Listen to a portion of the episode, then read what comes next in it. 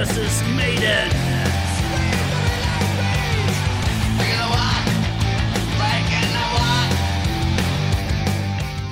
Du, eh, Bård. Har du noen gang lurt på hvordan Juice Priest høres ut for eh, ferske ører? Altså eh, en, eh, en ungdom i 2021 som aldri har hørt Priest før. Hva tror du han tenker om Priest? Har du noen gang lurt på det?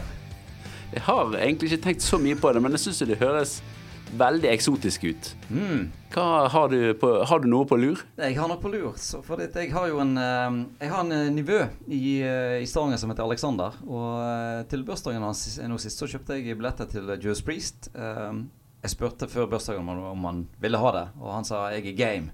da regnet jeg med at han, det syntes var bra. Ja. Så jeg tenkte jeg at for at han skulle få litt mer glede av konserten, og for at jeg skulle få eh, stilt denne nysgjerrigheten om hva eh, ungdommen syns om George Priest, så eh, spurte jeg han om vi skulle høre på en, eh, et album per uke.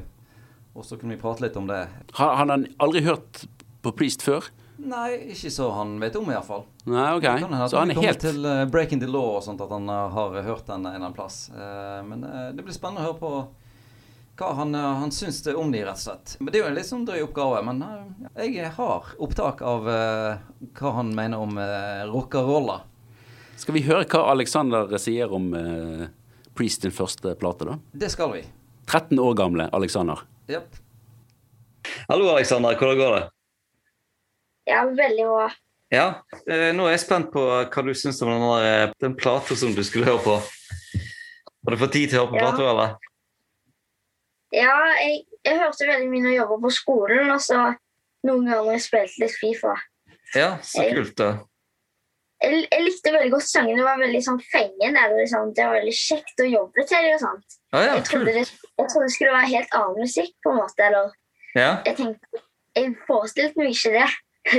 Hva, hva forestilte du deg, da? Jeg, for, jeg forestilte meg sånn skikkelig sånn heavy rock med sånn masse skriking og sånt. Ja, Så ja den er kanskje jeg likte det veldig godt. Ja, så bra, da. Var det, eh, var det noen låter som du likte bedre enn andre, eller? Som du Jeg likte, jeg likte sånn sett alle, men det var én som jeg ikke likte så veldig godt. Det var, den hette noe sånn der Summer eller noe sånt. Ja. Winter Jeg husker ikke hva den heter, men den liksom Det var sånn masse, masse rare lyder, på en måte. ja den, den lange, lange sangen der, ja. Hvor gammel hørtes musikken ut, liksom? Hørtes den ut 100 år eller 50 år? Eller? Det hørtes ikke ut så gammel ut. Nei, Kanskje sånn 30-20, kanskje. ja, 20-30 år gammel. Ja. Det, hørte, det hørtes liksom ikke sånn gammelt ut, på en måte. Nei. Den plata der var fra, fra 74, så den er, den er jo egentlig ganske gammel. Oi. Ja. Kan du sammenligne med noe annen musikk som du pleier å høre på? Eller minte deg, minte deg om noe, noe annet i det hele tatt? eller? Jeg hører på sånne sånn drill-typer, og de minte liksom på en måte bassen, eller Ja. liksom Det var veldig fengende. Det var liksom fengende på samme måte, Ok. følte Men, men, men sa du drill? Liksom, ja, sånn UK drill, tror jeg det heter. Heter UK drill? Ja, det, sånn det har jeg aldri hørt om. Ja, det er litt sånn ny musikk, men det, det er på en måte sånn med en sånn rolig bit bak, men ja. Ok. Ja, Så kult, da. ja, Da må jeg jo sjekke ut UK drill, hva det, hva det er for noe. Det var veldig artig at jeg minte, minte om det. da.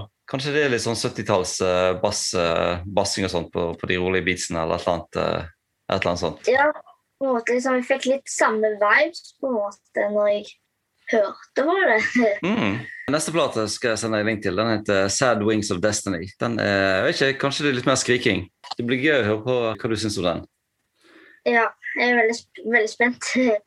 Ja, det var jo litt Mildt sagt litt fascinerende å høre en uh, purung 13-åring uh, uskyldig og uh, ubesudlet ja.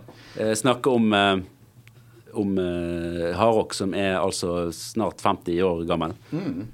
Eh, det som jeg ikke skjønte helt, det var jo dette her eh, Når han dro inn moderne ting som UK drill. ja. Hva er, i all verden er det for noe? Det er jo, eh, Jeg hadde aldri hørt om det heller, men eh, jeg jo, jeg gjorde jo research på det. eh, Og mm, det er en slags, eh, en slags eh, eh, rapping på litt sånne tunge beats. Mm. Som har egentlig en opprinnelse fra USA, men så UK drill er på en måte UK-varianten ut av det. Okay. Det er uansett det er eh, noe eh, Det er ikke en måte jeg ville ha beskrevet Priest på, for å si det sånn. Men, men der eh, må jeg respektere at ungdommen har eh, nye Ja. måter å, å, å se og, og høre ting på. Mm, men det er, jo, det er jo litt sånn seige, seige beats, holdt på å si, på litt sånn mer litt sånn eh, groovy, groovy eh, hardrock på den første Priest-plata.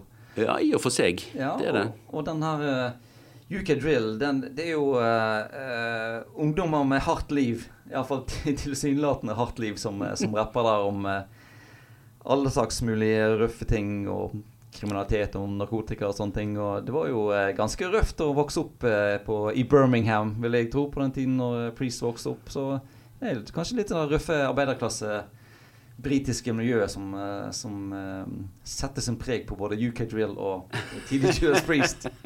Ja, det er jo litt interessant. Da. Men så likte jeg òg at, at, at det funket bra å gjøre lekser til. Ja, det er bra. Så kanskje det er en bra måte å få lurt inn ungdommen. Sånn uh, Hør på Just Please til å få bedre karakterer. At det, bør, altså at det bør komme fra skolen, egentlig. Ja, kanskje vi Som en slags del av uh, leksehjelpen. Ja, hvis, det, hvis noen uh, lærere som hører på eh, fra barneskolen, så må de rett og slett bare spille den første platen til Just Please. Men det gjelder jo da foreløpig bare førsteplaten, og så får vi se om, om det også gjelder når vi kommer litt utover i, i karrieren. Det må du følge litt opp når, du når du snakker med han. Hvordan, Ja. hvordan går det med leksene? Uh, og uh, hvordan går det med å høre på Priest uh, samtidig? Det var spennende. Jeg gleder meg til neste uke å høre hva han syns om Sad Wings of Destiny.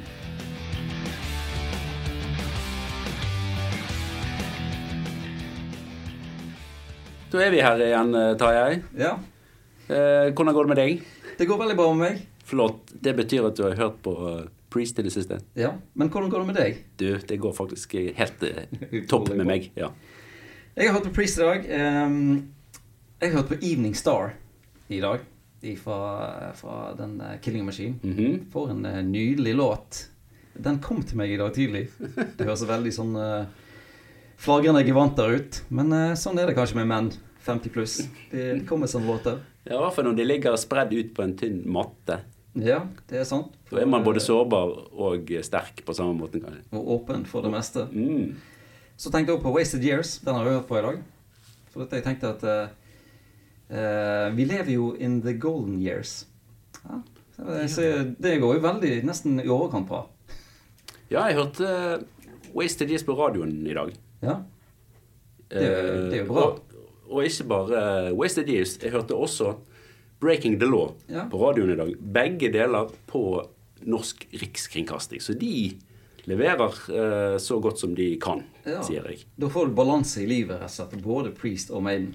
Tenker det var en perfekt dag, jeg. Ja, det var, en, det var en god dag. Og den holder på å bli enda bedre. Ja, altså den er jo blitt uh, veldig god allerede. Vi har jo uh, altså uh, en stor glede av å ha Jannike Wiese Hansen på besøk. Velkommen. Tusen, tusen takk. Hvordan går det med deg? Det går veldig bra. Jeg har ikke hørt noe Maiden i dag, men jeg hørte masse på Judas Priest. Det er en fin dag. Hva har du hørt på av eh, Priest? Alt, eller er det Ikke alt, for jeg var på jobb og drev og tatoverte. Men um, kunden min, som var veldig inne på Priest, mente at jeg måtte noen, Grunnen til at jeg skulle høre på Priest, var jo at jeg hører jo selvfølgelig mest på Maiden. mm. Og Priest har jeg egentlig ikke hørt så mye på. Sa hun skamfull. Så eh, jeg måtte høre meg litt opp Ja. på det. Så det var en samleplate ja. som jeg ikke husker hva heter engang. Nei. Egentlig. Nei, men eh, du har noe på Priest iallfall, og det er, jo, eh, det er jo bra. Veldig masse på Priest. Vi har ut- fredagsstemning på en torsdag, rett og slett. Mm. Ja. Begynte helgen tidlig. Og det er lett for det med, med Priest, vil jeg si. Kanskje til og med lett Ja, nå skal jeg være veldig forsiktig, men jeg mener kanskje det er litt mer fredagsstemning i mye av Priest enn av Maiden. Ja. Ja, det er, ja, men jeg kan være enig med deg. Det er- Det er veldig rock'n'roll. Ja. Mens Maiden er hele uken. Mhm. Godt, uh, godt sagt. ja. Det er det. Du har i hvert fall da prøvd å gjøre det aller beste ut av det, tenker jeg, eh, Ja. Jannicke. Absolutt. Jeg eh, må jo si en ting. at eh, Nå handler jo denne podkasten om eh, Priest og Maiden og sånne ting. Men eh, den handler jo mye om eh, nostalgi, siden vi er gamle menn som snakker om musikk som vi begynte å høre på når vi var, var, var 13. Uh, og så er det jo litt av det eh, Hva har skjedd uh, hva, hva har denne heavy-interessen ført til? Og for min del så har den jo ført til at jeg traff eh, Jannicke på 80-tallet, faktisk. Ja. Så vi går egentlig helt bak der til. Og eh, jeg eh, har jo, jeg er jo fra Hjelmås og vokste opp på Knarvik, som er i Nordhordland. Og eh, i, eh, i eh, Nordhordland så det var ikke så mange heavyrockere liksom, på Knarvik eh, på, på 80-tallet. Og eh, det der å gå rundt med langt hår på Knarvik eh, blant folk med hockeysveis og bart, det var jo en, eh, en sånn øvelse som eh, Ja, det koster, det koster, det koster litt. Ja. Du må ville det. Ja, og, og eh, ikke til forkleinelse for, for damene i, i Knarvik, for der var det der var det jo en del sånn eh, heavy, tolerante, tolerante damer. Men når vi begynte å reise til byen, så traff vi faktisk ekte heavy damer. Og det, det hadde vi ikke på Knarvik på den tiden der. Så når vi eh, reiste til byen og traff eh, Jannicke og en, eh, en gjeng med andre damer som var ordentlig heavy damer med heavy T-skjorte og alt mulig, da trodde vi nesten at vi var kommet til, til himmelen, altså. Så det var, det var, det var veldig stas å, å bli kjent med, med Jannicke for, for lenge siden. Så um, Det er, er flere som har nevnt det der med når vi var 14 år og gikk rundt i T-skjortene våre og sånn. Mm. Flere av heavy-vennene våre nå som snakker om når de så de jentene for første gang med metal-T-skjorter. Ja, det er jo litt sånn den der, det der heavy-fellesskapet som uh, er som du føler sterkt på, og kanskje spesielt når du er på en måte i den alderen der og, og, og, og leter etter identitet og alle de tingene. Sånn, å ja, der er noen som, som jeg kan prate med og være litt med. Og, og Torgrim, da han var, fortalte om det at han var på Var, var det speiderleir han var på? Så så han en fyr som stod og tegnet Eddie. Og da visste han at han hadde en, en venn for, en venn for livet. Og- sier jo litt når vi reiser helt ut til dere. Ja, på, sant det. på fest på fredagen og lørdagen. Helt Mm. ifra byen. Og jeg, og jeg hadde avisrunde klokken syv om morgenen på lørdagsmorgenen. Og måtte bare la være å sove og komme meg inn med fergen og buss for å rekke å hente avisene. Og likevel kom jeg ut der på fredagen og få være med dere. Så det ja, det var jo utrolig kult. det var gøy. Det høres ut som dere også hadde noe å tilby uh, metal-damer fra byen. Da. Ja, det hadde vi visst tydeligvis. Landlige omgivelser og gode fester. Ja. Jannicke var jo flink å tegne allerede da. Og eh, det er jo derfor egentlig at eh, Jannicke er i podkasten i dag. Fordi at eh, Jannicke er jo en eh, tatovør, en kunstner og en, en festivalarrangør. Så du har jo hatt denne black metal-festivalen der du på en måte har blanda dine to eh, lidenskaper med, med tatovering og, og, og, og black metal.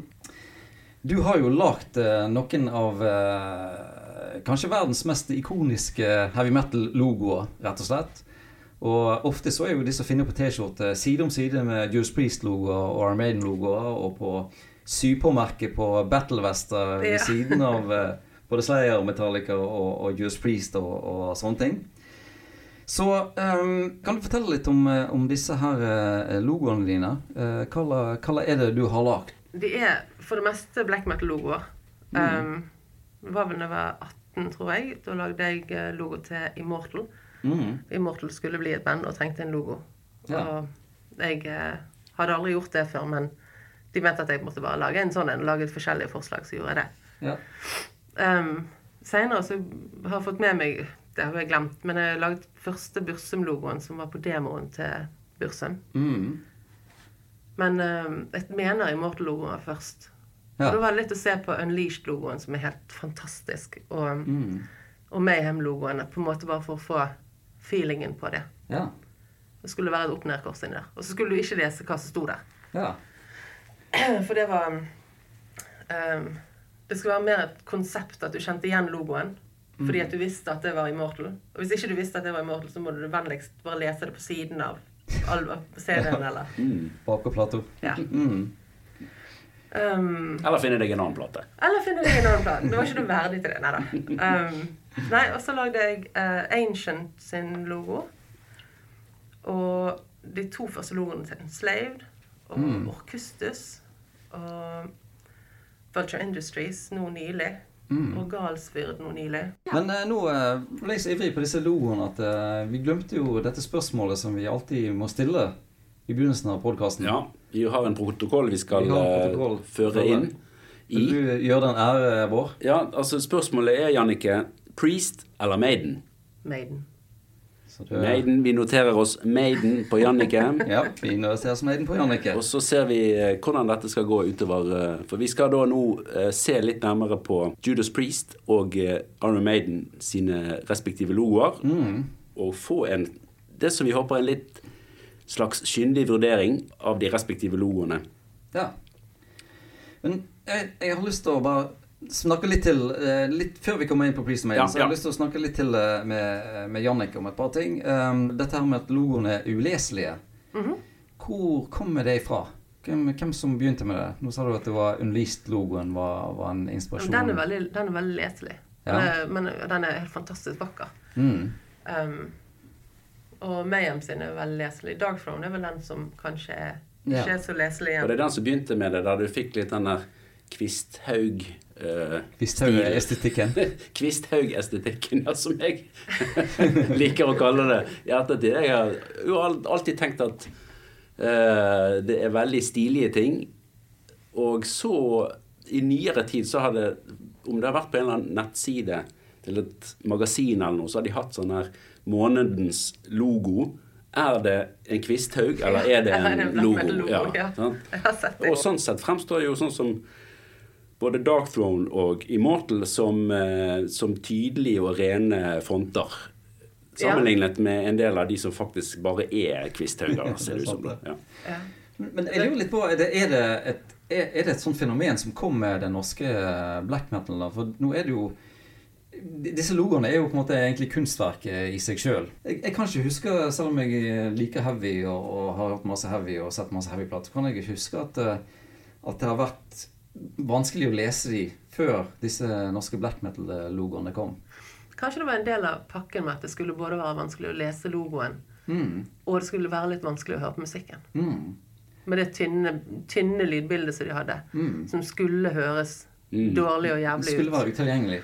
Ja, at du måtte på en måte ville det litt ekstra hvis du skulle høre på black metal. Dette er bare en teori som jeg Ja. slang opp akkurat nå. Men um, det kan jo være at det er noe med det. Men det, men det er sant, det. er altså sånn Gamle logoer og sånn, de var veldig fontbasert. Ja. Altså ikoniske, sånn som Metallica, og at de fikk Mm. en helt egen greie. Men, men de er mer eh, Ja. Ja. Og det, det som jeg tenker på, dette er jo faktisk kanskje Kommer hele denne her, eh, typen logoer fra Norge? Og kommer denne typen logoer Sitter vi her med opprinnelsen til denne typen eh, Nei, kunstneriske, uleselige logoer? Nei da. Jeg har gjort, noen logoer og sånn, men det er masse andre fantastiske folk som har laget logoer med Mm. Men, men, du var, men du er jo en uh, tatovør, og uh, jeg vil jo si en, eh, verdens, en verdenskjent tatovør innenfor eh, eh, spesielt sånn uh, vikingmotiv og sånne ting. mm. Mm, helt Ja, det- ukjent. det- Veldig ja, bra. det- Det, Det har blitt sånn. Jeg har fått med meg nå at folk har kommet fra New Zealand og fra Canada og alt mulig her for å tatovere seg hos meg. Det er jo kjempekoselig. Ja, utrolig kult. Ja. Um, men da uh, lurer jeg på uh, Har dine verdener møtes? Har du uh, tatovert noen logoer som du selv har designa på fans av, av de bandene der?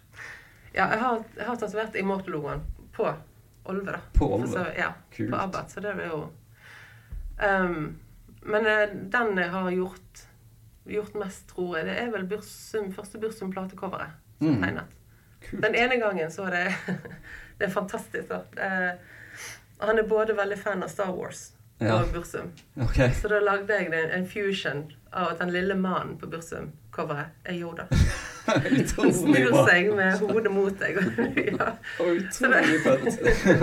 Og det er, jeg tror det er en av Eller tatoveringen jeg har laget. Altså. Den Ja, er, det var ja, det var så morsomt. Men det er jo en, en, på en, måte en tegning med et sånn stort perspektiv. Så det kan jo ikke være en tatovering som er veldig liten. Den må jo være ha en Jeg har viss laget størrelse, den da. på, ja, jeg har laget den på, som altså en del av en backpiece på én. Mm. Men ehm, jeg har litt sånn fortid med herr Bursum. Mm. Um, og har ikke vært så glad i han hele veien. Mm. Um, så jeg var ikke helt sikker på om jeg Det var ganske mye hat der en stund. Mm. Um, så jeg var ikke helt sikker på om jeg ville, om jeg ville lage det coveret. Mm. Og han ventet i to år på at jeg skulle bestemme meg. faktisk. Men han tok kontakt med meg egentlig uten å vite at det var meg som hadde tegnet en gang. -hmm. Tilfeldigvis. Yes. Mm. Og så endte jeg vel opp på at hvis det er noen som skal lage det coveret, så er det vel kanskje meg. Mm. Så da gjorde jeg det. Så han fikk vite det til slutt, at det var, Ja da, det var original originaltegneren som Han, ja, han fikk vite det da med, egentlig med en gang, fordi at det ble så veldig nølete. Mm. Jeg hadde ikke sett for meg at den skulle komme inn. Mm. Så. Um, skal vi snakke litt om uh, hvordan uh, Vi er jo litt opptatt av, uh, av, heavyrockerne i den podkasten her. Så uh, lurer vi på hvordan hvordan ble du en heavy rocker? hvordan, hvordan begynte du å høre på, på heavy og Nei, uh, jeg skylder alt på Anthrax, Ja? egentlig. Mm. På Anthrax, I'm the Man. Mm. Det er en overgangslåt, rett og slett. Og EP-en har jeg hjemme på vinyl fremdeles. Ja, den har jeg òg. Stilig. Ja. Den er fin. Nei, jeg, jeg begynte Altså, jeg likte jo Kiss var jo altfor heavy for meg. Jeg byttet vekk Kiss-kortene med de andre guttene Eller med guttene i gatene, så fikk jeg snop tilbake. Det synes jeg var en mye bedre deal fra Stjerneposen. Um, dette er det bråkete greiene der, det kunne du ikke danse til eller noen ting. Um, så jeg likte Michael Jackson og Lionel Richie, og så kom breakdance-filmen. Mm. Så begynte jeg å like litt sånn breakdance-musikk. Mm. Og så vet jeg ikke Jeg tror kanskje det var Agnete og Nina. Mm. Så vi var jo det trekløveret på 80-tallet. Jeg tror de introduserte meg til den Anthrax-låten. Mm. Og da Det var det. Yeah. No looking back. Yeah. Og det var Anthrax, og det var Megadeth, og det var Metallica. og så ble det mer Slayer og Creator og Acid Rain og, Mm. og sånn.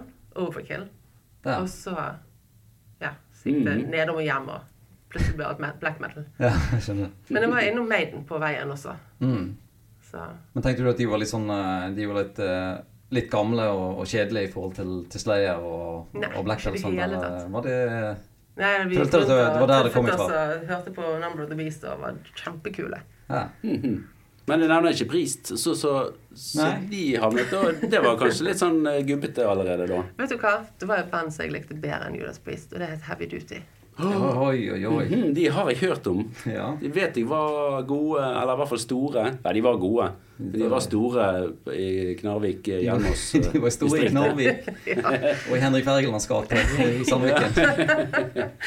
Nei, men de var, de var dødskule. Jeg tror vi var på øving der ute på Hjelmås en gang. Mm. Så det var jo fantastisk kult. Dette var jo da et band som jeg spilte i sammen med, med Reidar fra, som senere spilte i Immortal, og, og Tony som jeg eh, spilte i Lost at Last, og, og Kyrre og Rolf som jeg har snakket litt om på, på den podkasten. Og mm. de er jo Det var de som eh, skikkelig tok Priest inn i livet mitt. da. Ja. Så dette Heavy Duty-bandet, det som, som jeg ikke tror fins på internett, bortsett fra Mm. på, på denne eh, Encyclopedia Metallium, de eh, var veldig, veldig Priest-inspirerte. da. ja, veldig. Mm. Angrer du litt nå på at dere ikke tenkte at dere trengte en ny logo? Og at Ja, dere kanskje sant. kanskje skulle spurt Jannicke om Men det var fire år før jeg begynte å tegne logoer. Ja, ja, men likevel. Hadde dere spurt da? Kanskje Ja. Kanskje vi hadde vært den første logoen. Og kanskje Jannik hadde begynt å være med på Judas Priest.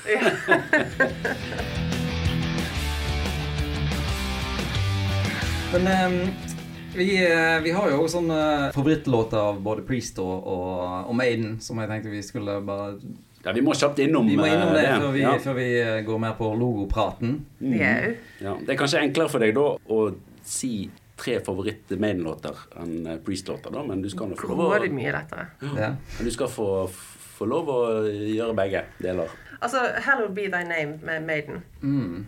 er fantastisk. Mm. Og 'Evil That Men Do'. Og så greier jeg ikke helt å bestemme meg for 'Can I Play With Madness' eller 'Number of the Beast'. Fordi Ah.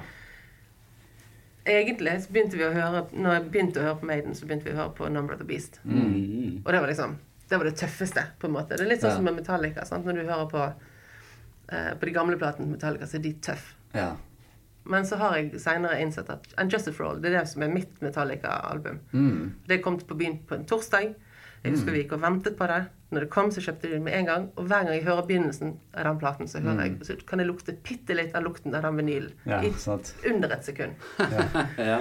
Så sånn sett um, så kan jeg late som at Number of the Beast er Maiden-albumet mitt, men Seven Son ved Seven Son er jo Det husker jeg når det kom. Det er det, det, er det, det, som egentlig eh, Det er det som For- egentlig, det er det jeg setter på på jobb nå når jeg skal høre på Maiden. Ah, ja, Så det det, for det meste det. Og dette snakket vi om i, i første episode, eh, og der har jeg eh, faktisk Can I Play With Madness som nummer én Maiden-låten. Og det syns Bård var så kontroversielt at det var rett før han gikk ut fra hele sendingen. Han syns at den, den er, den er altfor myk til at han liker den godt. Men eh, jeg er, der er jeg enig med deg. Der er vi, Ja. der er vi, der er vi på linje, altså. Mm. Mm. Men jeg måtte tenke hardt, og det er, er veldig mange veldig bra Maiden-låter. Mm. Ja, det er Men jeg tror det er de som valget. gjør meg mest glad av å høre på. Mm. Ja, vi er enige i det, at Maiden er mye bra. Det er vi, For all det er vi, del. altså. Ja. Men uh, Priest-låtene, der vil du uh... Er faktisk den uh, Turbo Lover-sangen. Ja? Den trodde jeg at jeg hatet, og så hørte jeg den på, på den igjen i dag, og så var den jo veldig fet. Ja. Så den er med Den er med på nummer topp tre? Ja, på nummer topp tre. Den har vært omtalt før i, Den, i, eh, i dette programmet. Den har vært på topp tre før. Ja.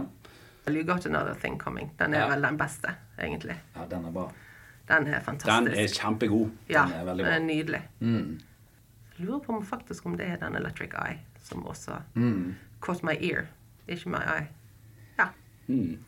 ja nei, da stopper vi det. Ikke Breaking the Law. Fordi at, jeg vet ikke hvorfor. Jeg blir stresset av den låten. Ja. Du er en mer lovlydig eh, borger. Jeg er så det dårlig å bryte loven, det, eh, det bryter med dine prinsipper. oh, ja. Så vi har Electric Eye, vi har You Know Another Thing Coming, og vi har Tubolova som er de favorittlåtene dine med, med Priest. da. Og eh, ja, det er Spesielt bra. den You Got Another Thing Coming. Den er, den er veldig, veldig bra. Den er, den er, da er den nummer én, da. Den er nummer én. Ja. Soleklart. Ja, men Da noterer vi oss det, og så får vi rett og slett eh, komme i eh, down to business, som det heter på godt uh, Ja. norsk. Mm. Og der vi da eh, skal få Jannicke eh, til å ha en litt sånn kyndig eh, vurdering av logoene til Judas Priest og Iron Maiden. Så dette har vi gledet oss litt til, for, for er det noe som, som er litt ikonisk med begge band, så er det jo kanskje logoene. Men Maiden har vel holdt sin logo hele veien. Ja, de har, tror jeg har uh, hatt den samme fra dag én. ja, jeg kan ikke huske å ha sett noe annet. Mm. Ja, for det er vel en av de store forskjellene, at Maiden har holdt på den ene helt fra første platen. Mens da Priest har eh, justert sin i eh, forskjellige retninger. Mm. Og det, det, det, tenker jeg jo litt på. sånn, Er det, er det et kvalitetstegn at du ikke endrer på logoen din, eller er det et kvalitetstegn at du endrer på logoen din? For dette, Nå tenker jeg på f.eks. Fate No More, som jeg er veldig glad i. Som jeg vet at du liker veldig godt. De har jo egentlig kun den samme logoen på to album. På den Introduce Yourself og The Real Thing. Og Ja. utenom det så har de endret logoen på hver eneste plate, så vidt som jeg Jeg, jeg sjekker dette her. Så Ja, de, jeg har ikke sett over det, faktisk. Men um... Så, de er, de er, så det er en litt sånn tradisjon at noen uh, holder seg med, med den samme logoen. Og Metallica har jo òg sånn uh, lekt seg litt med forskjellige logoer. skal vi rett og slett ta det fra begynnelsen? Hva, som, hva er en god logo? Hva bør en god logo inneholde, sånn på generelt grunnlag? jeg vet ikke, det bør vel egentlig i hvert fall vise hvilken type metal du spiller. Mm. Du ser ganske lett hvis det er en prog-logo eller black metal-logo eller I proggen så det akkurat som det flyter litt mer ut, mens i, i metal er det kanskje litt I hvert fall i noen En tilfeller litt kan mer være veldig kantete. stram òg. Ja, ok. Ja, Veldig sånn 70-talls Ja, ja. ja stramme linjer og Rush-logoen sånn. er jo ganske er jo ganske stram, ja. Mm. For eksempel. Ja. Mm. Så så, den indikerer litt hva uh, Ja, musikksjanger til Ja, til- si Utenfor det. metal òg, at, eh, du kan- at uh, ulike sjanger har sine, sine ulike stiler på logoen. da. Mm. Så det er et, eh, det er et kjennetegn. Altså, I hvert fall innenfor black metal og sånn, så er de enten uh, hva skal jeg si, altså, Enten så er de like på begge sider. Mer eller mindre veldig likevektige. Oh. det er sånn symmetri eh, i det. Ja. Å ja, Og så prøver du å få en likevekt gjennom hele logoen. Mm. Eller de har den uh, vekten i logoen i midten. Mm. Og så har du da blitt tynnere utover. på en måte. Mm. Og så har du sånn som Anthrax og Opeth, hvor Ja. du har første bokstaven har alt å si, på en Ja. måte, og så kommer resten som en litt sånn etterslep. på en måte. Mm. Ja. Maiden er vel den logoen som virkelig Hvor alt spiller like stor rolle. Så Ja. er det fonten som er helt uh, strøken. ja, for å ta det, så ble jo den, så vidt jeg har skjønt, den fonten tok de fra en filmplakat. Oh. Det er den som heter The Man Who Fell, The man who fell, fell from earth fell to Earth. to earth, ja. The Man Who Fell to Earth. eh, David Bowie. David han, Bowie, ja. eh, Mm. med, han, Ja. ja. Så, så den den som bare eh, har eh, Har eh, på en måte den filmtittelen, den bruker fonten som da Maiden yes. Mm. lagde logoen sin ut av. da. Ja. Og det virker ikke som det er så mye mer enn det. Om det var Steve Harris som bare klippet og limte, eller Men eh, det er ikke, det er ikke så mye mer eh, hokus pokus enn som så når det gjelder Mm. den logoen. da. Det er sant. Men jeg syns det er utrolig kult at de har holdt seg til den, og at den er for Den er jo en fantastisk logo. Han er jo så Altså, du kjenner den så grådig godt igjen, og du kjenner hvis noen prøver å lage noe à la det Mm. Du kan ha alle tribute-bandene til Maiden i hele verden. Så lenge de bruker den fonten, så vet du nøyaktig hva de spiller. Samme hva de heter. Mm. Ja, Så det er en, en sterk kobling til, til bandet òg er viktig med en logo, Mm. som, som på en måte kommer etter gjentatt bruk av logoen. da. Men det, dette med, med bytting av logoer eh, Jeg var litt inn igjen på det, da. Siden, eh, siden Priest har bytta logo. Altså. Ja. Hva tenker du om det? Sånn, nå har, du har jo lagt to, to enslaved-logoer. Ja. Der du Altså, har der, Ja. der begynner de jo med å være veldig mer black metal. På, Mm. Selv om det var vikingsjeler, så, så Mm. var det litt mer black metal første platen der. Så de skulle ha en black metal-logo, og da har du opp-ned-kors og sånne ting. Men de likte logoen, men de ville være, ha et mer vikinguttrykk, så vi tok samme logoen, bare vikingifiserte den, på en måte. Ja, ja, ja. Det kan vi gjøre her i Norge. Ja, ja. Ja. Økser istedenfor opp-ned-kors, og i midten så ble det fronten på et vikingskip. Så vi lagde, jeg lagde inn mer sånn drager og istedenfor spisser og litt sånn. Mm. Um, men det er jo også fremdeles sånne konseptlogoer som ikke er så leselige. Så det er jo veldig greit at de har en nyere font som er mye mer leselig også. Mm. Samme som Immortal gjorde. Ja. Ja, for de, eh, for de skifter jo enda en gang til mer sånn Men, men med mer streit eh, logo. Mm. Både Enslaved og, og Immortal eh, etter Ja. hvert. da. Mm. Det er koselig å se at, at en slave fremdeles har midt-logoen, tror jeg det på trommesettet sitt og sånn. Ja. Det er koselig. Ja, det er kult. Men er, det- men er det da altså at band blir mer kommersielle? At de da finner ut at logoen skal bli At de på en måte går bort litt fra den opprinnelige identiteten, og så skal de bli mer sånn allmenn Jeg tror ikke det er det. Sånn som med en slave, så tror jeg kanskje at Altså, de er så utforskende på så mange måter, for Mm. eksempel. Så den første logoen sier veldig mye om hva metal de spiller. sant? Mm. Andre logoen, da er de veldig bundet mer på viking-metal. Kan, det er jo godt med det. Jeg har aldri snakket med dem hvorfor de har en tredje logo. Om det, altså det går ut fra det ikke bare fordi det er leselig, men, og det er en utrolig fet logo, det også, men kanskje de er litt mindre låst Mm. til stilen sin. Mm. For de er jo både prog og viking-metal og alt mulig sånn samtidig. Ja da. Ja, det syns jeg, jeg er kjempeinteressant. Hvis vi ser noe litt på disse Judas Priest-logoene Hvis vi skal inn på alle nyanser av Priest-logoen, så er det jo, blir det jo kjempemange, da. Men hvis Ja, vi hva er galt med det? det, Hva er galt med det? Eh, ingenting, tenker jeg. Så de hadde, På den første platen så hadde jo eh, den her Rock'n'Rolla som var første platen. Eh, og der har du på en måte en Juice Please-logo, og den er jo litt sånn som du Sånn som du um, snakker om med, med Anthrax, og, og der med at J-en er liksom størst, og så kommer resten her, da. Men det Det ser ut som han er veldig myntet på egentlig på bikere. på Ja. måte. Og den, den har litt sånn farts... eh, Noe fast uh, stripe og sånt, ser det ut som. Nettopp. Det er litt sånn Ja. racing, eh, Ja, ja, ja. racing eller Harley sånn, eller et eller annet. tenker litt sånn Matchbox-biler, eh, eller den logoen der. Mm. Med, med fart og spenning. Ja. Mm. Så det er jo litt som litt sånn når Judas Priest er, er på, på farten med, på farten med, med rock, for, rock for biker og folk. Folk får en aktiv livsstil må Ja. Just Priest, eh, sier den logoen litt. Grann, da. Jeg syns jo den ser ganske sånn 70-talls ut, egentlig. da. Mm. Og det bærer jo sånn litt dette, Så vidt jeg har skjønt, så er dette sånn logo som, eh, som folk i Som ansatte designere i plateselskapet har putta på for at det skulle bli et liksom kontemporært eh, produkt. Mm. Det, det, det ser vi egentlig. Mm. Men hvis, Yes. Ja. ja. Men, men, men er han litt sånn Er han veldig datert? Jeg syns han er veldig kjedelig. Ja, Men, eh, er det bare det, kanskje?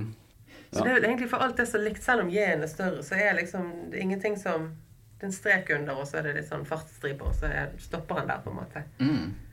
Ja. Det, det ser ut som en bisetning til coveret. Og det er litt kjipt. Mm. Ja, det er sant. det. Det er en sånn liten, eh, en liten oppi hjørnet der. Mm. burde, burde ikke egentlig logoen vært inni den korken, og så heller tittel på platen et eller annet annet sted?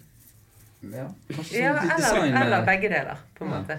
Men nå måtte de ha designet Judas Priest som Coca-Cola-logoen. Det kunne vært litt vanskelig. Ja. Ja, det hadde ikke Ja vært eh, Nei, men jeg, jeg kan ta den redesign-oppgaven min eh, en annen gang. Ja. Det tror ikke. Det, er ikke derfor, det var ikke derfor vi skulle eh, være her i dag. Men eh, hvis vi går videre til eh, det som jeg kaller den, preklassisk, pre preklassiske logoen, eh, som er på Sad Wings of Destiny og Sin After Sin, så er jo den en mye mer sånn gotisk eh, skriftstil. Den er veldig metal. Ja, den Da skjønner skjønner du at det er metal og ikke nødvendigvis street racing. Ja, du gjør det. Ja. Og så ser vi sånn eh, Den har jo med seg den streken under Juice Priest. Er jo, følger jo med der, da. Altså, jeg vil si Den er den som beskriver selve bandnavnet best. Mm. Judas Priest. Og plutselig så skjønner du hva det går i. Mm. på en måte. Det er jo eh, Altså, den eh, første det kunne jo vært egentlig hva som helst. Mm. det som jeg, det som jeg leste, at den korken var egentlig lagd til et sånn Rolling Stones-album. Så vil ikke Rolling Stones ha den, og så fikk Just Priest den istedenfor. Så den kunne faktisk eh, helt Den kunne faktisk vært på et Rolling Stones-album. For alvorlig. Dette ser ut som en, eh, en, en tegnerlogo, ikke, og ikke en frontlogo. Ja, så ut som en litt sånn det? blanding, egentlig. At du har altså gotisk skrift i, i bunnen på det, og så har de lekt seg med både J-en og D-en. Ja, Så den streken under og sånn. ja for du, hvis du ser litt sånn Hvis du zoomer litt inn på den, så er det jo Det er sånn P-en er jo veldig, Ja. veldig forseggjort. Og så er det ikke så, Jeg tror det er sånn djevel, djevelhale på, på enden av denne streken under uh, Priest. Den som går ned og snur der, og så ender den i en sånn der, eh, Bitte er liten. en liten- liten eh, djevelhale. Liten spiss der, ja, sånn på den. ja. Så det er jo det, er- det er litt sånn her det, det er en engel på coveret, og så er det litt sånn uh, djevel i, uh, i logoen. Og så er det på en måte både Judas Judaspresten eh, er liksom der. Mm. Og, og eh, det kan vel ikke være noen andre enn en Lucifer sjøl som sitter der. eh, Kan det være den som er, er falt til jorden? Ja, det, det, ja det mest tenker jeg- sannsynlig. Holder på å miste fjærene sine og litt sånn. Ja, ja. Men, men for der òg er det jo Med den gotiske logoen så er jo det litt sånn direkte linje opp til mye av black metal. Sant, der, der det blir jo veldig eh, Mm. Populært eller vanlig ja, å, å ta utgangspunkt i, det. i det. Sant? Ikke bare black metal, men egentlig death metal, Heavy metal, også. eh, ja, og nesten heavy metal generelt sett. At Ja. den gotiske skriften er liksom veldig framtredende der. Så der, der kan du jo kanskje si at The Priest uh, la en slags føring for, for det som skulle komme seinere. da. Mm. Det kan vi jo si, altså. Det kan ikke være så kontroversielt å, Nei, at, å påstå. at eh, Priest er noen av grunnleggerne av heavy metal, det er vel ingen som kan eh, krangle på. Nei, altså. men også kanskje da i logo. Ja, både, ut, på de, de det musikalske Ja uttrykket og eh, det på en måte i logouttrykket, så eh, har de på en måte gått foran. Men en, før vi går videre fra denne her, så tenker jeg at eh, den her um, Dette smykket som denne engelen har på seg, har jo et symbol Mm. som uh, er omtalt som uh, djevelens eh, stemmegaffel. Og det er et element som Juice Priest henter fram litt seinere i eh, det, på en måte, det har gått litt igjen kanskje litt sånn seinere i karrieren, så har de, har de løfta fram det, det symbolet der. Så det er jo eh, Det er òg på en måte blitt en slags logo for Juice Priest, akkurat denne eh, Mm. djevelens eh, stemmegaffel. Men du må jo se litt etter for å egentlig få øye på, Mm. på den. Det er kjempekult. Ja, og det er du kan gå liksom, tilbake igjen og så finne han, finne han der når han er så tydelig på andre, ja. Mm. andre covere. Og det er sånn da, Spesielt hvis, sånn, hvis du begynte å høre på Priest litt ute i sånn Painkiller På Painkiller er han jo veldig fremtredende, Mm. den der. Ja, da er han liksom den store, det store comebacket Ja. til, til denne, det, til det symbolet, da. Mm. Mm. Og så plutselig ser du en sånn der eh, plate som kom 20 år før der igjen. Sånn der, Å, der var den der. Det er jo veldig kult. Mm. Men så har vi den som jeg kaller for den klassiske logoen, da. Um, Og det er jo den som eh, de fleste husker. Og den er jo litt mer sånn eh, på en måte røff i kantene. Og altså, I forhold til, til Maiden-logoen, som er på en måte en ren font, så vil jeg jo si at også, dette er mer sånn en, en tegna og planlagt, eh, planlagt logo på, på et eller annet vis. Ja. Det som jeg har, har funnet ut, er at det, det er sånn Det er et eller annet elektrisk med den. Mm. Med, med sånn støt. Litt sånn som ACDC sitt, sitt lyn der. ja. Som, som går igjen der. Og, og sånn den skråstillingen og, og alt det der. Og det er jo litt sånn eh, det var, Siden du sa dette her med enslaved i stad, at, de- at de ville gå fra black metal til til, um, til mer sånn viking metal, og så fra viking metal til kanskje mer inn i prog- prog-verden. Ja. Så tror jeg òg at uh, den her um, symboliserte litt Viking og prog. viking og prog. Ja, de forlot ikke Viking. På noen måte. Eh, men så, så er jo den òg en eh, sånn slags Ja, nå kan vi, eh, nå kan vi eksperimentere. Nå, heng, altså, nå henger ikke den gamle gotiske logoen på oss lenger. Sånn, at nå har vi lov til å, å forandre oss litt. Mm. Og, og, og da har vi en ny logo, og da på en måte, setter vi på en måte en litt stil. Og det der at de kanskje eksperimenterer litt med, med, med, med stil og Men, sånt. men hva tenker du da, Jannicke? Når du ser overgangen fra Sad Wings of Destiny til eh, Det er den klassiske. Mm. Ja, som da kommer for første gang på, Ja, på på, Class, på Stein Class. Ja. i 1978. Nei, For det første syns jeg det er en vanvittig bra logo. Og så er Mm. den veldig godt planlagt. For den er både tydelig og veldig um, gjenkjennelig. Og jeg syns det er grådig kult at de holder seg for det meste til den, og bare lager forskjellige versjoner av den. For det duger Mm. veldig bra til, siden den er så tydelig, så er det veldig lett å bruke den på forskjellige måter. Mm. Så Kanskje de altså For han minner jo på en måte om den første, på den måten at du er elektrisk under, og her har du fartsdriv. Han er sånn der potent logo, på den andre siden. Mm, ja, det, det var sikkert Rolf glad for at du sa. Og, Så det at han er på, på skrå også, er jo veldig sånn fartssymbol, på en måte. mm, ja, så de, de, de, de beholder liksom denne fart, de der fartsstripene liksom fra den første, sånn at du på en måte ser den her, Mm. Men Men uten gjorde at det blir veldig mye mer interessant. Ja. Mm. Men, men det, det kan jo òg kanskje sies at uh, med den klassiske logoen at Priest ønsket å på en måte nærme seg eh, Maiden på et vis, med å få en litt mer sånn Ja, rett og slett litt mer metal-logo, hvis det går an å si, da. Kantete, kanskje. Ja, og et litt sånn tydeligere uh, merkevare. Mm. Den har jo elementer av Maiden-logo i seg. Ja. Måten J-en og P-en er, og ikke minst E-en i Priest. Ja, ja, ja, ja. ja, det er jo et kjempepoeng. Det er sant, det. Så det er jo kanskje en eh, Jeg vet ikke, kanskje underbevisst eh, et underbevisst Men denne kom jo i 78. Og den første det er plata til eh, Maiden kom i 1980. Mhm.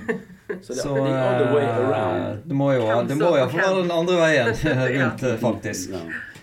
Eh, at uh, de sier ja, denne, denne fronten her minner litt om Priest-logoen, så kanskje vi skal ta den. Hmm. Eller den som lagde filmplakaten til The Man Who Fell to Earth. Uh, ja. Ja, Ja. ja, ja. Konspirasjonsteorien bare Ja, begynner å det vokse her nå. Der har vi, der nå sår vi noen gode frø til eh, konspirasjonsteorier videre. Her er det bare å diskutere i vei. Men så har vi jo denne uh, uten Rob Halford-logoen, Uh, som er på disse to platene med han Ripper Owens. Uh, eller der er det egentlig to varianter, faktisk, men der har du fått en enda en annen måte å skrive den her uh, Judas Priest eh, på. Som er mindre lesbar. Mm. Og jeg syns det ser ut som det står Judas of Priest. Judas of Priest. Ja, med Ja. den der gaffelen i midten. Mm. Jeg syns det er den definitivt dårligste. Skikkelig, Du kan nesten ikke lese at det står Priest der i det hele tatt. Nei. Kanskje de ville prøve seg å ha sånn uleselige logoer. eh, de, Ja, de setter det det, det, var så, tiden. 98, ja. det, var så populært, eh, det var så populært i Norge med disse uleselige logoene, så kanskje vi skal eh, gjøre litt uleselig. Men du Kanskje det er litt ja. sånn som Prince, at de bare kjenner igjen den der eh, si stemmegaffelen. Ja. Djevelens stemmegaffel, ja. Ja. Men kanskje det ser litt ut som et opp-ned-kors òg? Jo. Jo da, det spesielt på den meltdown. Ja. At, eh, at de prøvde å være veldig eh, Prøvde å også hanke inn noen, eh, Mm. noen mer ekstrem-metal-fans Mm. med å lure inn et lite opp-ned-aktig kors der. Samtidig så er jo det samme da korset rettvendt i, i, i skallen på han Jo, men på han her Jugulatoren. jugulatoren, ja. Hvis det, hvis det er det han heter. Det er fetteren til Motorhead. Jugu. Ja, noe sånt. Men der tenker jeg jo sånn Dette var jo òg noe helt eh, Dette var jo Priest uten Rob Halford. Mm. Sånn, så da hadde de på en måte et nytt, nytt uttrykk, og som uh, i ettertid ikke uh, var helt skikkelig gale. Så de platene det var fett at de hadde en, en annen logo, for det, det Ja, var jo et litt annet band. Ja. Ganske annet band. Ja. Ja, det, så, så det er jo igjen sant, at det, de forandrer litt for å, å, Det måtte markere et slags markere skille. skille. Mm. Ja. Og da Det bringer oss jo til, eh, til det som, eh, som, eh, som vi har kalt den nyklassiske logoen. Så det som har skjedd da, det er jo at da er den gamle logoen der kommet tilbake igjen. Og så denne djevelens stemmegaffel har kommet til bytte ut T-en Mm. i Priest. Sånn at du får en eh, Vil du si den er mer sånn balansert? eh, Jeg liker den, den veldig logoen? godt. Mm, Jeg syns at, den- at de skal stoppe der. For Ja. å ha den. den syns jeg er bra. Mm. For den er, altså, den er likevektig med J-en som stikker ned, så har du den som stikker opp, og du har symbolikken fra så mange år tilbake som er med. Mm, Og det er en T i tillegg til at det er den. Så det, det liksom mm, funker veldig, veldig bra. Ja, og dette markerte jo òg at altså, førsteplaten der Rob Halford var tilbake igjen, ikke sant? mm. Så da kjørte de fullt ut eh, logo. Eh, så det var jo godt gjort. Mm. Og, Og og så matcher han platecoveret veldig godt. Ja. Måten de har laget logoen på det. det gjør han, altså. Og det, den siste vi har, som eh, er jo kanskje bare et lite sånn parentes, eh, det er jo denne logoen som er på Jo, men Nostradamus. jeg får bare stoppe litt. Ja. Hvis vi ser nå på coveret der på Angel of Retribution, da, Mm. så ser dere Hva er det han har rundt halsen? Der han eh, Eller Solaplexus. vingeroboten solar plexus. Mm. ja, ja, det er litt lenger nedpå. Der der. har han eh, stemmegaffel. ja.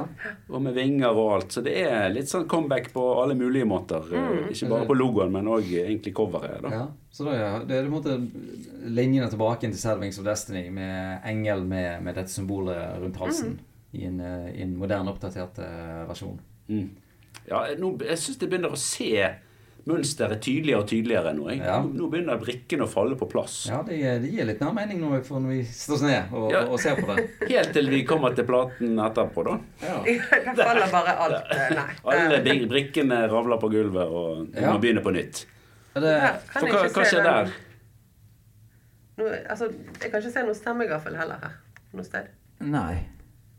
Så hvis jeg skal prøve å, gjøre noe, finne noe mening ut av det her, så er det jo det at eh, denne eh, Nostradamus-platen er jo eh, Priest sitt første og eneste eh, konseptalbum. Oh, ja. Som handler om eh, Nostradamus. Eh, et dobbeltalbum der eh, låtene er på en måte basert på disse profetiene til Nostradamus. Mm. Men, men hva tenker du om coveret her, da, Jannicke? Eller logoen, da? Altså, um, når platen er noe helt annet, og er det han er på en måte med, med Nostradamus, så passer jo egentlig eh, den logoen helt til den platen. Mm. Bare håper at de kun bruker den på den. Ja, det er faktisk kun den eh, den er på. Så, For da kan de bruke den på, hvis de nå skulle sette dette opp som musical, sånn, så har Ja. de, at de kan bruke den på plakater og alt, og så vet alle hva det går i som, som har vært innom den platen. mm. Det, det, jeg kan jo da lure på om de valgte den logoen for å Advare fansen, kanskje. At dette ikke er nødvendigvis helt det vanlige Judas Priest, Ja. men noe, Ja. noe litt sånn eksepsjonell og eh, noe som bare skjer én gang. Og så har vi den klassiske logoen som gjelder de klassiske Da Priest er klassisk Ja. heavy. Jeg syns de er gode på å bruke logoene sine. Da. Hvis du ser på den der, der som ikke Pelford var med lenger, sant? så er det en helt annen logo. ja. De var litt nølende i begynnelsen med å finne den der ene, men det er jo Mm, mm. Ja. Men øh, hvis vi tar en øh, runde rundt bordet her for å Hva syns vi er de beste logoene? Du, Jannik, har jo sagt at den øh, nyklassiske med altså Judas Priest med denne djevelens stemmegaffel, mm. den er den som du liker best. Ja. Jeg må si at øh, jeg liker best den, den klassiske logoen, den, den røde logoen. Ehm, og jeg er litt sånn øh, Jeg er litt usikker på om jeg liker den, øh, den med seks eller fem tagger best. Men eh, Ja. kanskje, jeg, eh, kanskje, jeg, eh, kanskje jeg heller mot den som er på Steinclass med bare fem tagger istedenfor seks tagger under Judas. At det holdt med fem. Ja, det er den eh, Seks ble too much. eh, Ja, ja kanskje det. Og så og så er det liksom Jeg eh, jeg, jeg, jeg, jeg liker denne Jeg liker at eh, den eh, vinklingen eh, går Altså, den flyter bedre nedover mot høyre. Mens med den der djevlestemmegaffelen, så stopper han liksom litt opp på slutten. Sånn at eh, Jeg liker bare sånn flyten nedover her. og på en måte, Du har på en måte bevegelsen eh, Den skrå bevegelsen eh, er mer konstant Tydeligere. Ja. eh, der. Så den Jeg skjønner er, hva du mener. den er egentlig min eh, favoritt. Hva tenker du, Bård? Og jeg syns dette var vanskelig, jeg. Og, og, for det er noe med at det representerer ulike eh, punkt i Priest sin karriere. Da. Så jeg har på en måte innfunnet meg eh, litt med at, eh, at sånn er det, og at alt er sin tid. Det kan være at jeg rett og slett bare må tilbake til min favorittplate med Priest, som er Painkiller, og den logoen som er der i full sånn slags sånn krum Krum 3D. belagt. Ja, eh, og der han skinner igjen liksom blåfargen fra resten av coveret. sånn. Mm. Den syns jeg er kanskje den som er stiligst. du du på en måte den, den 3D-logoen med gjenskinn, med, med gjenskinn, holdt på å si. Ja. Det, det, jeg tror det er den som er, på en måte går igjen òg. At, at den på en måte forkrummer versjonen som mm. kommer først på Painkiller. At det er den som har kommet igjen på, på, de, på de nye studioalbumene. Krum er mer metal enn bare, bare rød farge. Ja, det er sånn. Da, da er juryen er inconclusive på rett og slett hva som er den beste Priest-logoen, men eh, vi er jo eh, Bortsett fra at vi liker den klassiske den klassiske. uansett, egentlig. Så, eh, Bare så- tre forskjellige versjoner. Ja, det er den vi, det er den vi liker best. Men eh, kjære Jannicke Wiese Hansen, da har vi kommet til um, sannhetens øyeblikk. Som eh, logodesigner av eh, verdenskjente heavy metal-logoer, hva er din dom om hva er den beste logoen? Judas Priest eller Armaden? Nå har jeg jo analysert Judas Priesten ganske mye noe mer enn jeg hadde før jeg kom her. Mm. Men Maiden er fantastisk.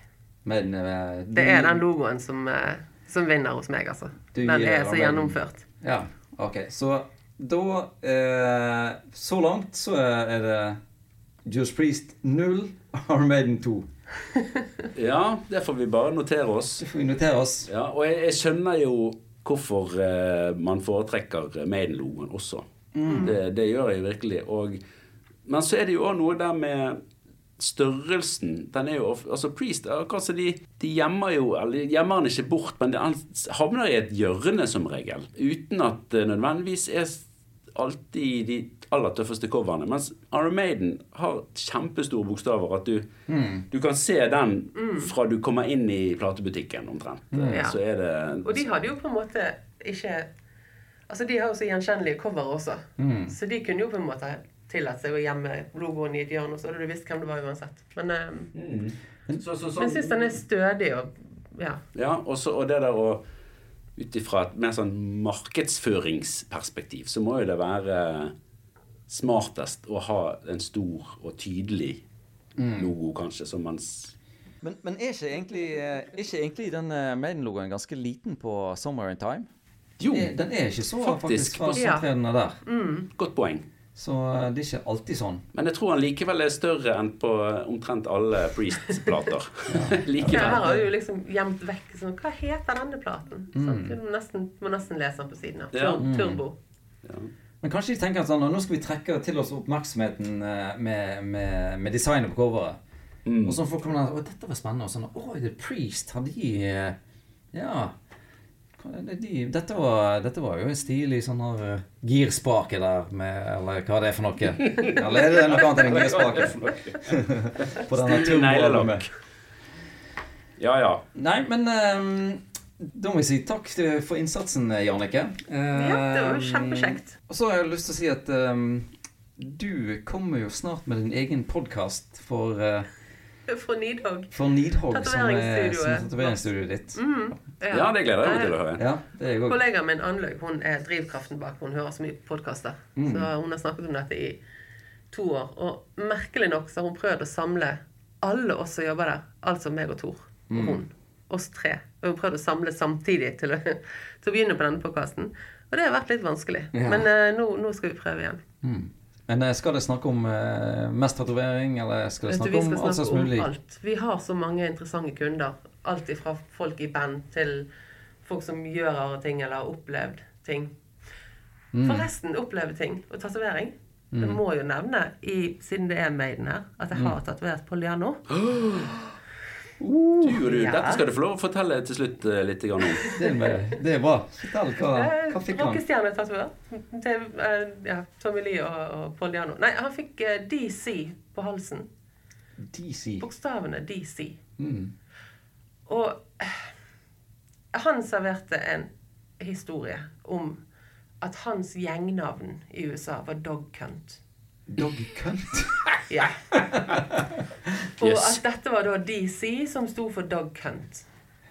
Og så har jeg hørt fra andre at han egentlig har en beef med David Coverdale i Whitesnake, Oi! det gjorde han Som- som også kalles DC. Ja, ja. Og at det var hans måte å si 'I own you, motherfucker'. Men eh, hva som var grunnen til at han tok DC på halsen, det får vi kanskje aldri vite. Jeg tror at han, hadde noe, at han heller hadde noe med imot Bruce Dickinson, for eksempel. Men eh, Kanskje han egentlig mente BD. BD, ja, ja han Ja. Ja. Mm. Men eh, det var jo litt morsomt. eh, Dickinson da. Der har du det. Nei, ja. Der har du Dickinson det. of course. Ja, altså. ja, men det er flott, det. Da skal vi takke av, da, Bård. Eh, For eh, nok en episode. Ja, det må vi gjøre, da. eh, Selv om vi, selv om vi egentlig heier mest på Priest, meg og deg, så Uh, du ødelegger alt, det nå. Nei, da, vi, men vi uh, Nei, tvert imot. Nei, tvert imot. Vi, uh, det er derfor, derfor vi starter podkasten. For Ja. å få uttalelser av fagfolk. Og din, de, de, lar vi, de lar vi stå, altså. Dere er egentlig ganske prist, begge to, Ja, vi er, vi er mest glad i Priest, både meg og, og Bård. Mm. Og, eh, Jeg det- jeg dere var en av hver, på en måte, og så tok dere det Nei, derfra. vi, eh, vi tenker at uh, eh, du det, det er så mange som liker Armaden, så vi tenker at uh, noen må ta liksom Priest-forsvarerrollen her, rett og slett. Vi ser jo det at det blir bare mer og mer tydelig at det må noen gjøre. Etter hvert som eh, nå Armaden raser fra eh, Priest i Mm. poeng, da. Mm. Så eh, Men samtidig så fikk vi jo uh, Ga vi jo iallfall Jannicke et litt annet eh, synspunkt på, denne, på disse logoene til Priest. ja, Og at hun Ja. har måttet høre masse Jeg Priest måtte, i jeg har måttet høre masse på Judas Priest i dag, og Anlegg var kjempehappy og gikk rundt og bare 'Å, det er fredagsstemning, dette må vi høre masse på'. Ja, da tenker jeg vi har gjort noe riktig. Dere slo et slag, altså, Ja. for det. Perfekt. Du skulle Perfekt, gjort det selvfølgelig for 30 år siden, men ok. det er sant. Det Better er sant. late than ever. Det er sant. Yes, neimen uh, takk til Jannicke, takk til deg, Bård. Takk til meg. Takk til deg. Og takk for, uh, for at jeg fikk komme. Det Ja. var veldig koselig. Det var veldig kjekt. Ja, og takk til de som uh, hørte på.